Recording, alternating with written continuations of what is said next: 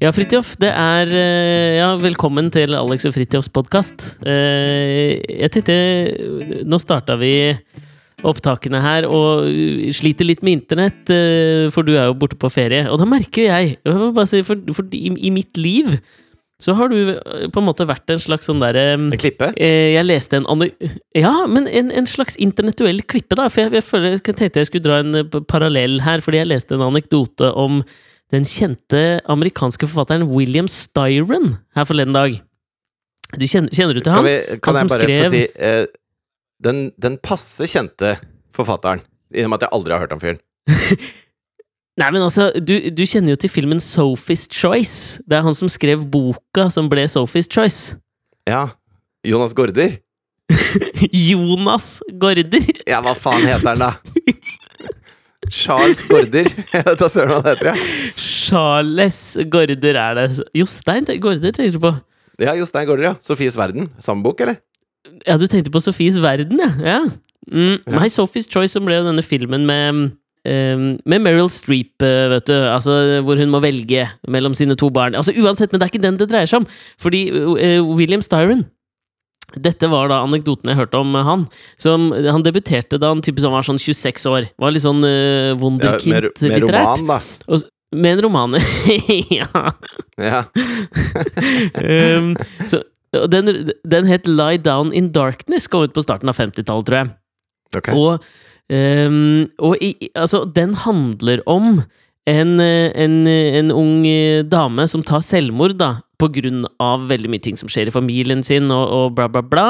Så tar hun til slutt selvmord. Mm. Og han, liksom, uh, han ble liksom kjent for å klare å trenge inn i uh, psyken til noen som gjør akkurat det. Så liksom siste delen av boka, når hun Peyton tar selvmord, så har hun skrevet en liksom stream of consciousness-måte uh, å skrive på, da. Så eh, det som har skjedd med han sånn i etterkant, er at når mennesker typ i New York skal ta livet sitt, eller står oppe on the ledge ikke sant, for å hoppe, så er det veldig ofte at politifolk ringer fortsatt William Styron for å få han til å komme til åstedet for å snakke dem ned fra kanten, fordi han liksom vet hva de går gjennom. Det er på en måte deg, for meg, når det kommer til internett. okay. Og på en måte troubleshooting, hvis du skjønner hva jeg mener. Ja. Derfor så, så, blir jeg veldig sånn Jeg blir øh, omtumla og, og bekymra når på en måte problemet ligger på din side. Skjønner du hva jeg mener? Ja, nå, men akkurat nå så føler jeg at problemet ligger på alle sider. Fordi at det, eh, ikke bare Altså, nå er det fredag. Podkasten skal ut på fredag. Og i går var jo du selvfølgelig eh, der du pleier å være. Fjordhotellet, som familien din kaller det, som er legevakta ja, ja. i Oslo. Med Klara, var det vel, som var ja. dårlig. Bronkitt, var det det? Ja, hun har fått eh, bronkitt, så hun fikk jo faen ikke puste. Så da måtte vi ta en liten tur innom ja, der. Men det skjønner jeg når barnet ditt ikke får puste, så det er liksom gyldig fravær, på en måte. Eh, men, men, så vi fikk jo ikke spilt inn noe i går på av eh, litt sånne eh, omstendigheter. Og så er det sånn eh, Jeg er jo på ferie i Spania, og vi er sammen med ikke sant, Det er min familie, og så er det da et vennepar som har tvillinger på rett over to år, og en gutt på fem. Og ruteren sitter da i det som uh, kalles TV-rommet her. Eller eh, liksom yeah. Et ganske nødvendig rom i et hus med fem barn, på en måte. Eh, for man trenger å, å avlede oppmerksomheten ganske ofte. Det rommet du beskriver nå, er vel det William Styron i sin type sånn Upper East Side, Upper West Side, svære kåk, ville kalt The Family Room. Det rommet her fyller rollen til William Styron når ungene klikker. Så er det TV-rommet vi trenger for å snakke dem ned. Skjønner du hva jeg mener?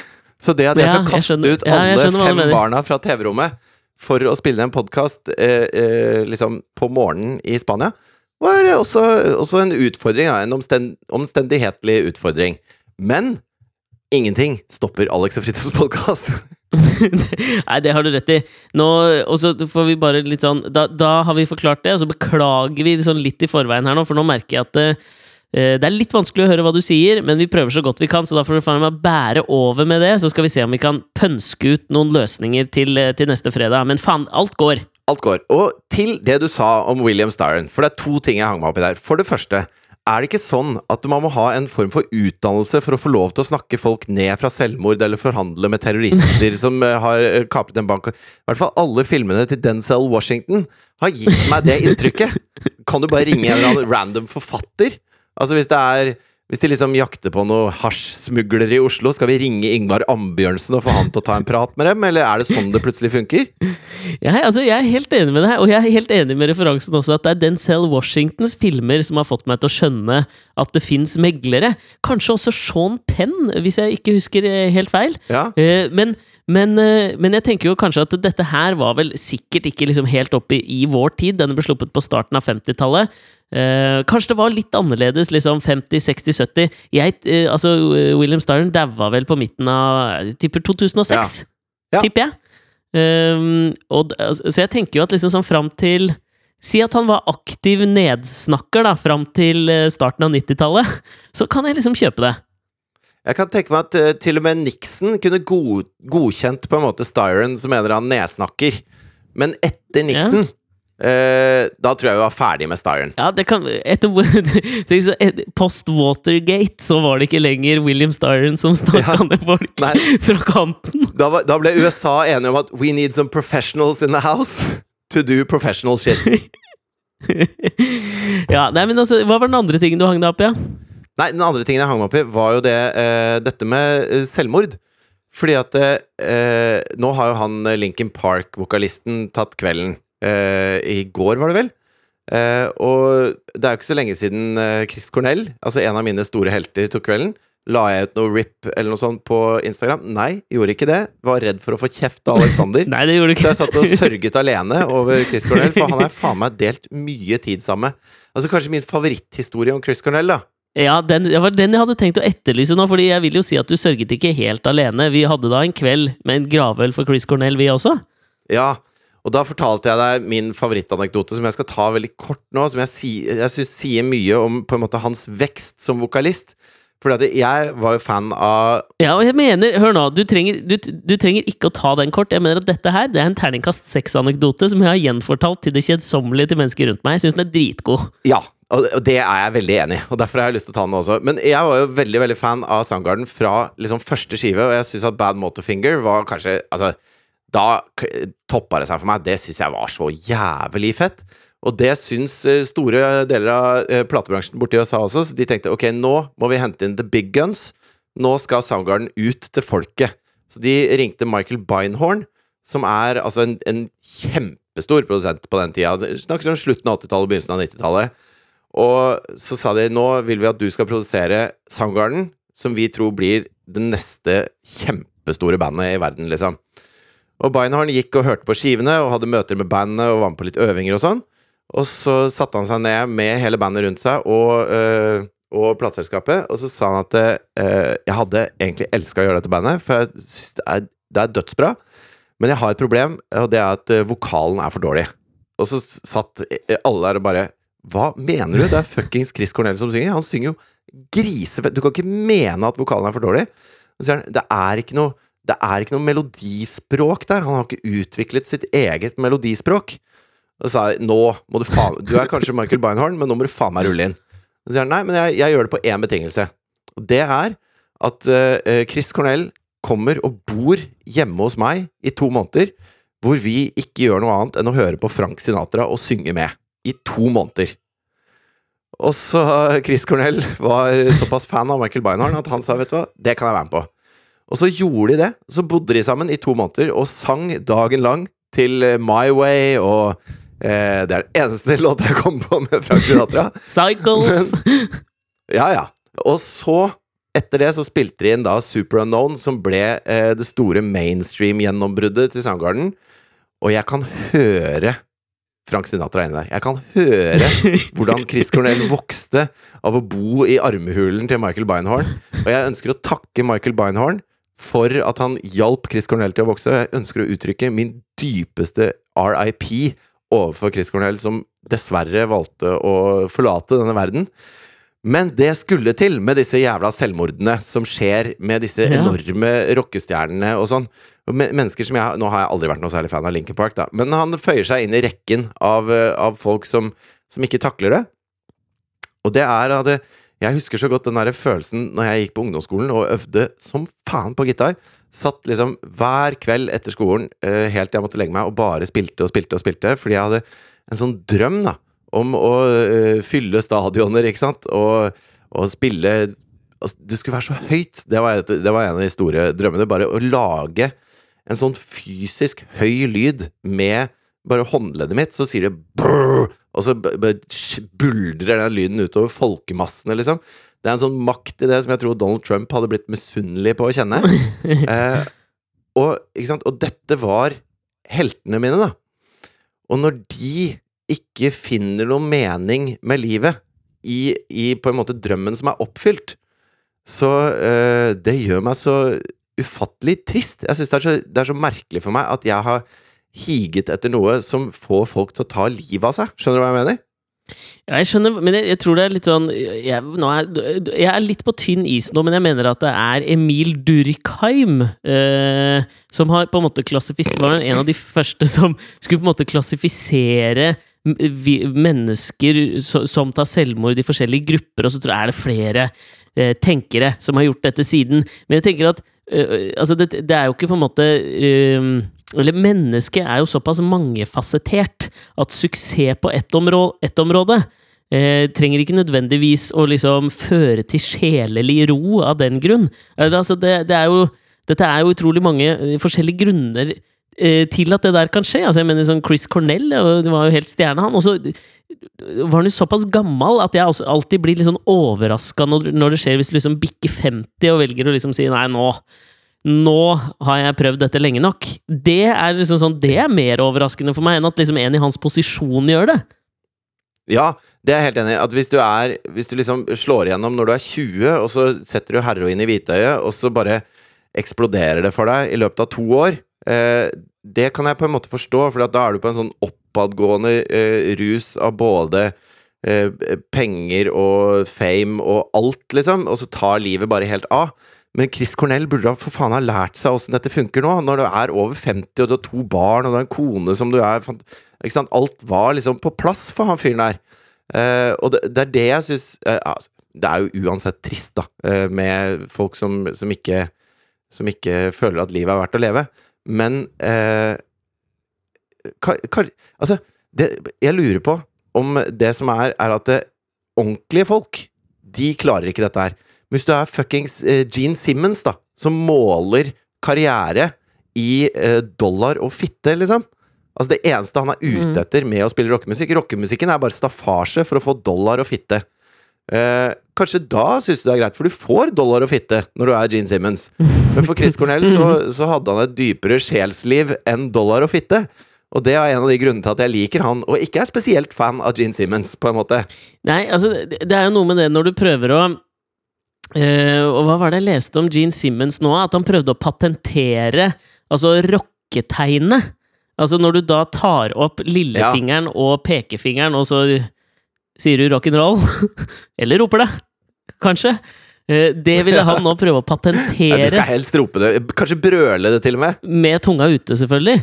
Eh, altså da tenker jeg, Når du liksom prøver Ja. Når du er såpass liksom opptatt av staffasjen at du skal patentere i rocketegnet, da, det, da er du så lite selvmordskompatibel som det går an å få blitt. Ja, og det syns jeg er veldig gøy, fordi eh, en kompis av meg som heter Henrik, han spilte jo i eh, det medium kjente norske bandet eh, Don Juan Dracula.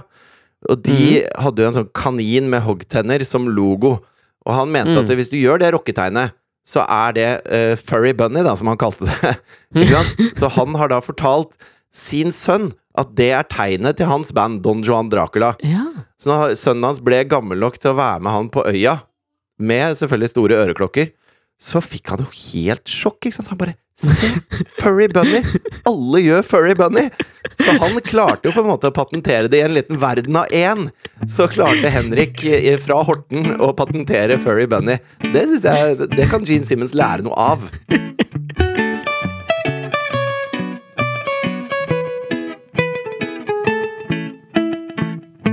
Men selv om det har vært litt sånn uspektakulært eh, her i Spania, så eh, er det en ting Altså, før jeg reiste, så har jeg et par kompiser som har snakka sammen om å kjøpe seg sånne gamle Nokia-telefoner som bare kan sende meldinger og ringe. Mhm.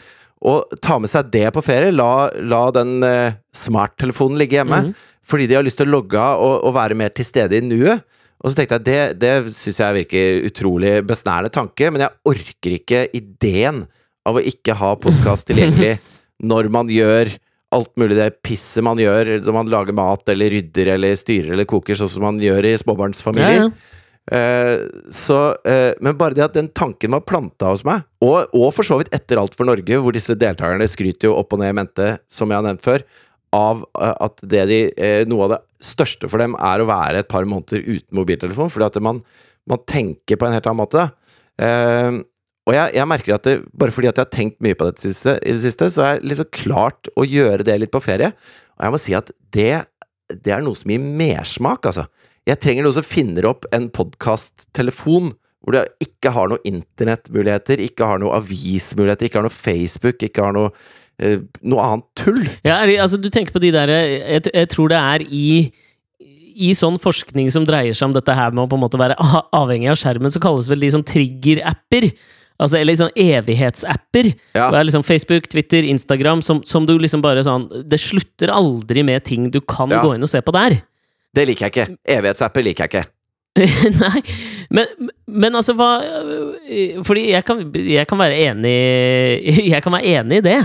Bare Men, men det som jeg bare er liksom, litt sånn småskeptisk til, er liksom sånn å tenke Altså, på hvilken måte tenker man annerledes? Nei, det er bare at du, du blir ikke så uh, Altså, jeg har jo snakka mye om eh, hvor deilig jeg syns det er å dusje, fordi at da, da Det er de eneste gangene jeg på en måte tenker helt klart.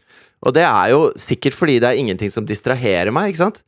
Uh, og hvis jeg er på stranda, for eksempel, og Jonathan bygger et sandslott, så han er busy, til jeg er ute og bader, og, og alle gjør andre ting, og jeg bare har tid på solseng alene, så eh, har jeg eksperimentert litt bare med å istedenfor å plukke opp en bok, eller se på folk som eh, bader, eller høre på podkast, og bare ligge våken med øynene lukket og se hva som skjer.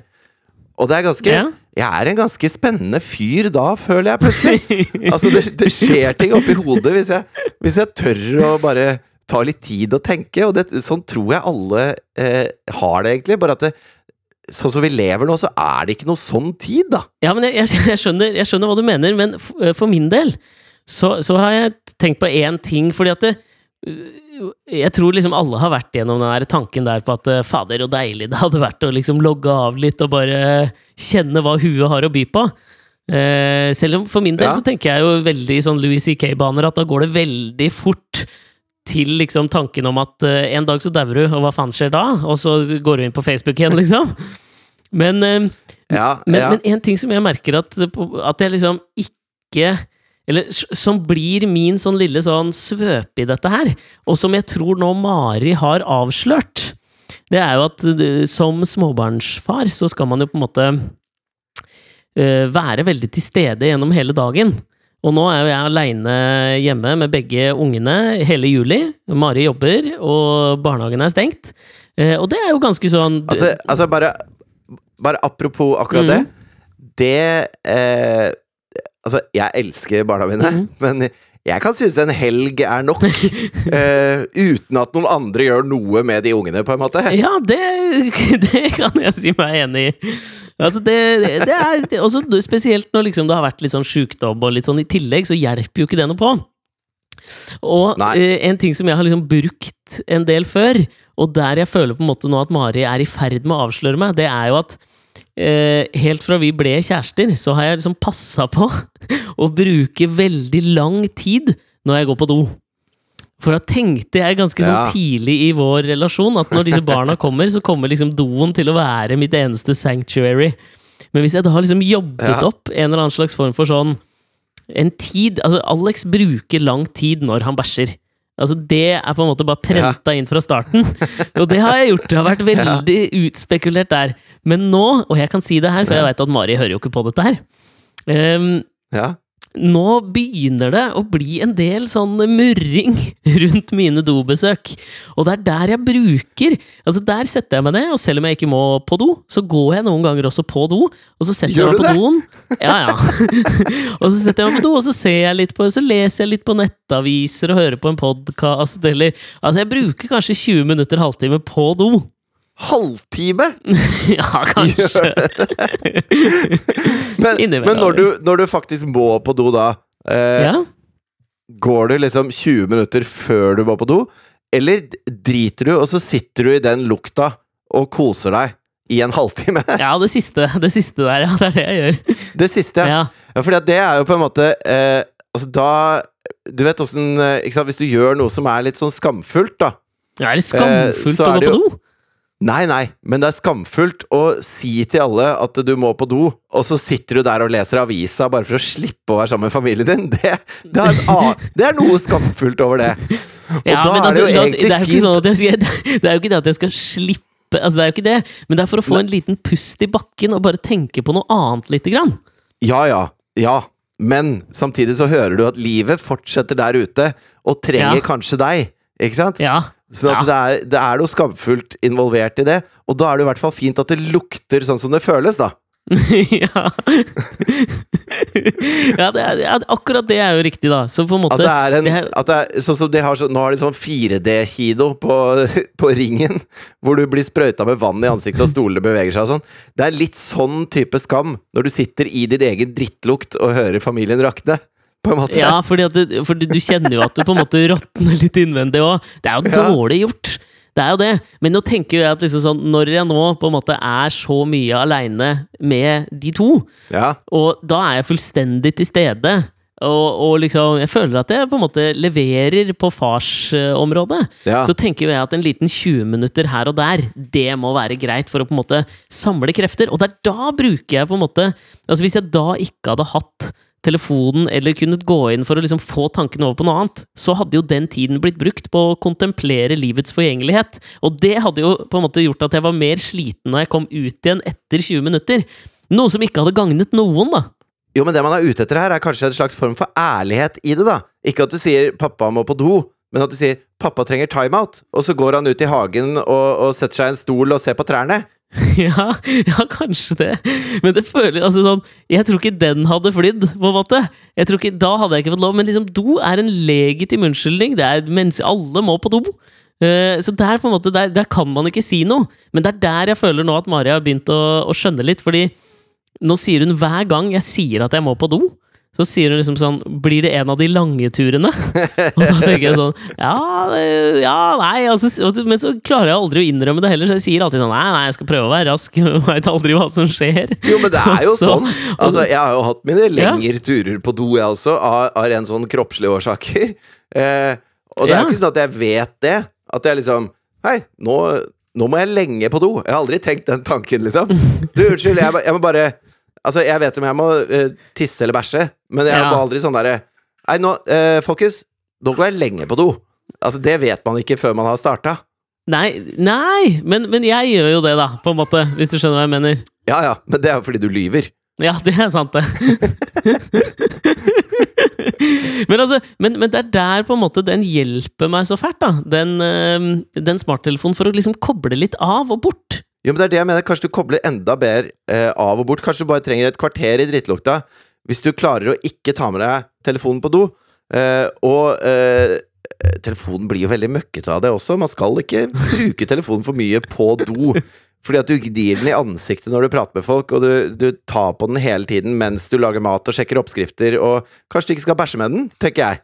Ok, Fridtjof, men vet du hva? Jeg skal gi deg dette her. Fram til neste uke nå, så skal jeg ta og, og, og gå på mine vanlige turer. Så, Mhm. Hvor jeg sier at eh, det, det, nå blir det lenge. Men jeg skal ikke ta med meg telefonen. Så skal jeg faen meg utforske hvor hjernen tar meg, og se om jeg er like interessant fyr som du er. Jeg har hatt det derre eh, Altså, med Thea og Liam, som er her nede, da, så er henholdsvis Mhm. fem og ti. De har hatt sånn greie nå når de legger seg, de sover på rom sammen. Og da får de lov til å si to ord hver, og så skal da en av de voksne lage en historie som inneholder alle de fire ordene. Og det har vært sånn stor slager på natta, nattafronten. Ja, Det er veldig forskjellige mm. ord da som kommer fra en tiåring og en femåring. Eh, ja eksempelvis eh, nei, eh, pupper, agurk, ikke sant. Det er, det er, det er såpass spredning. Hei, hvis det er lov å si! ja, nei, nå tenkte jeg agurk som en helt uskyldig femåring-ting. Altså, Ja. faktisk agurk, da. Eh, men Mhm. så satt jeg med Thea på stranda, og så sa hun Du, kan vi leke den leken hvor du forteller en historie, og så sier jeg fire ord? Eh, og så er det så, sa jeg ja, selvfølgelig, ikke sant? Og så er det så tydelig at det er masse ting som eh, er sånn eh, umulig å få huset rundt når du er ti. Og her mm. så Thea sitt snitt til å å virkelig åpne Pandoras eske, da. Eh, ok. så, så sa jeg ok, ja, hvilke fire ord skal jeg lage om, da? Eh, og så sa hun nei, da skal du lage om sex, full, barn, gravid. Og jeg bare Og du bare Har du møtt Alex? Nei, ja, fy faen. Nei, akkurat så katolsk prest orker jeg ikke å være her eh, i dag. Det, Nei? det eh, Her må vi finne på noe annet. Så det er kanskje der vi skal lære litt av Thea. Kanskje det skal være vårt, eh, eh, vårt forsett da, denne sommeren. Å ja. finne et eller annet rom hvor man kan la tankene spinne av gårde. Hvor vi kan finne svar på de store tingene vi egentlig lurer på, men som vi aldri gir oss tid til å tenke på. For Thea fant en løsning. Hun brukte fireordsfortellingen. Og kanskje vi trenger å legge bort telefonen for å finne vår egen fireordsfortelling oppi hodet. Og, og finne hva, hva er det vi egentlig går og tenker på når vi ikke distraherer oss selv hele tiden. Det, det er i hvert fall mitt forsett denne sommeren. Ja, ok, men jeg liker dette her. Jeg liker at vi kan ha en eller annen slags form for sommerlig føljetong nå. Skal jeg lover at dette her skal jeg nå Jeg skal legge, legge meg i sela. Og så skal jeg prøve dette her fram til neste uke. Så får vi melde tilbake til lytterne da om det dukker opp noen, noen eh, fantastiske innsikter eller et eller annet gjennom fireordsfortellingen. Ja, fordi at Hvis du kommer drassende med noen jævla filosofer, eller noe sånt da, så vet jeg at du har lest et sted, og da stryker du på eksamen. Ja, da går det ikke. Nei, dette må være tappet fra eget herrebryst. Det fin... Æsj, det var ekkelt sagt. ok. Ja. Ja, men den er, det er en avtale. Da gjør vi det. Ok, men da får du ha en nydelig eh, barnefull sommer videre. Og du må kose deg videre i Spania, og så skal vi prøve å, å få ordna litt på dette her teknikken, så kanskje det blir en litt lengre podkast neste uke. Ja, og kanskje, kanskje til og med mens barna sover, eller? I og med at Asta har sittet ved siden av deg og mast gjennom Hele podkasten. Og det kommer Ja, til det å er bli noe med det, da. Ja, det, men det er litt søtt òg. Jeg syns det. Jeg syns eh, den derre den der moderne pappaen som tar ansvar for unga, er sammen med de en måned aleine, trosser vind og vær og bronkitt og faenskap, og, og kommer ut med ho- hodet hevet. Ja, det står respekt av det. Skal du ha. Ja. ja, men takk skal du ha, min William Styron. Eh, vi høres igjen om en uke, eh, folkens. Og husk fortsatt, jeg ser at det er mange som har gjort det nå, men fortsett å gå inn og skrive en eh, sånn kommentar og rate oss på iTunes. Da blir vi kjempeglade. Hjertelig takk til alle som har gjort det. Tusen, tusen takk, og vi høres om en uke. Ha det! Ha det!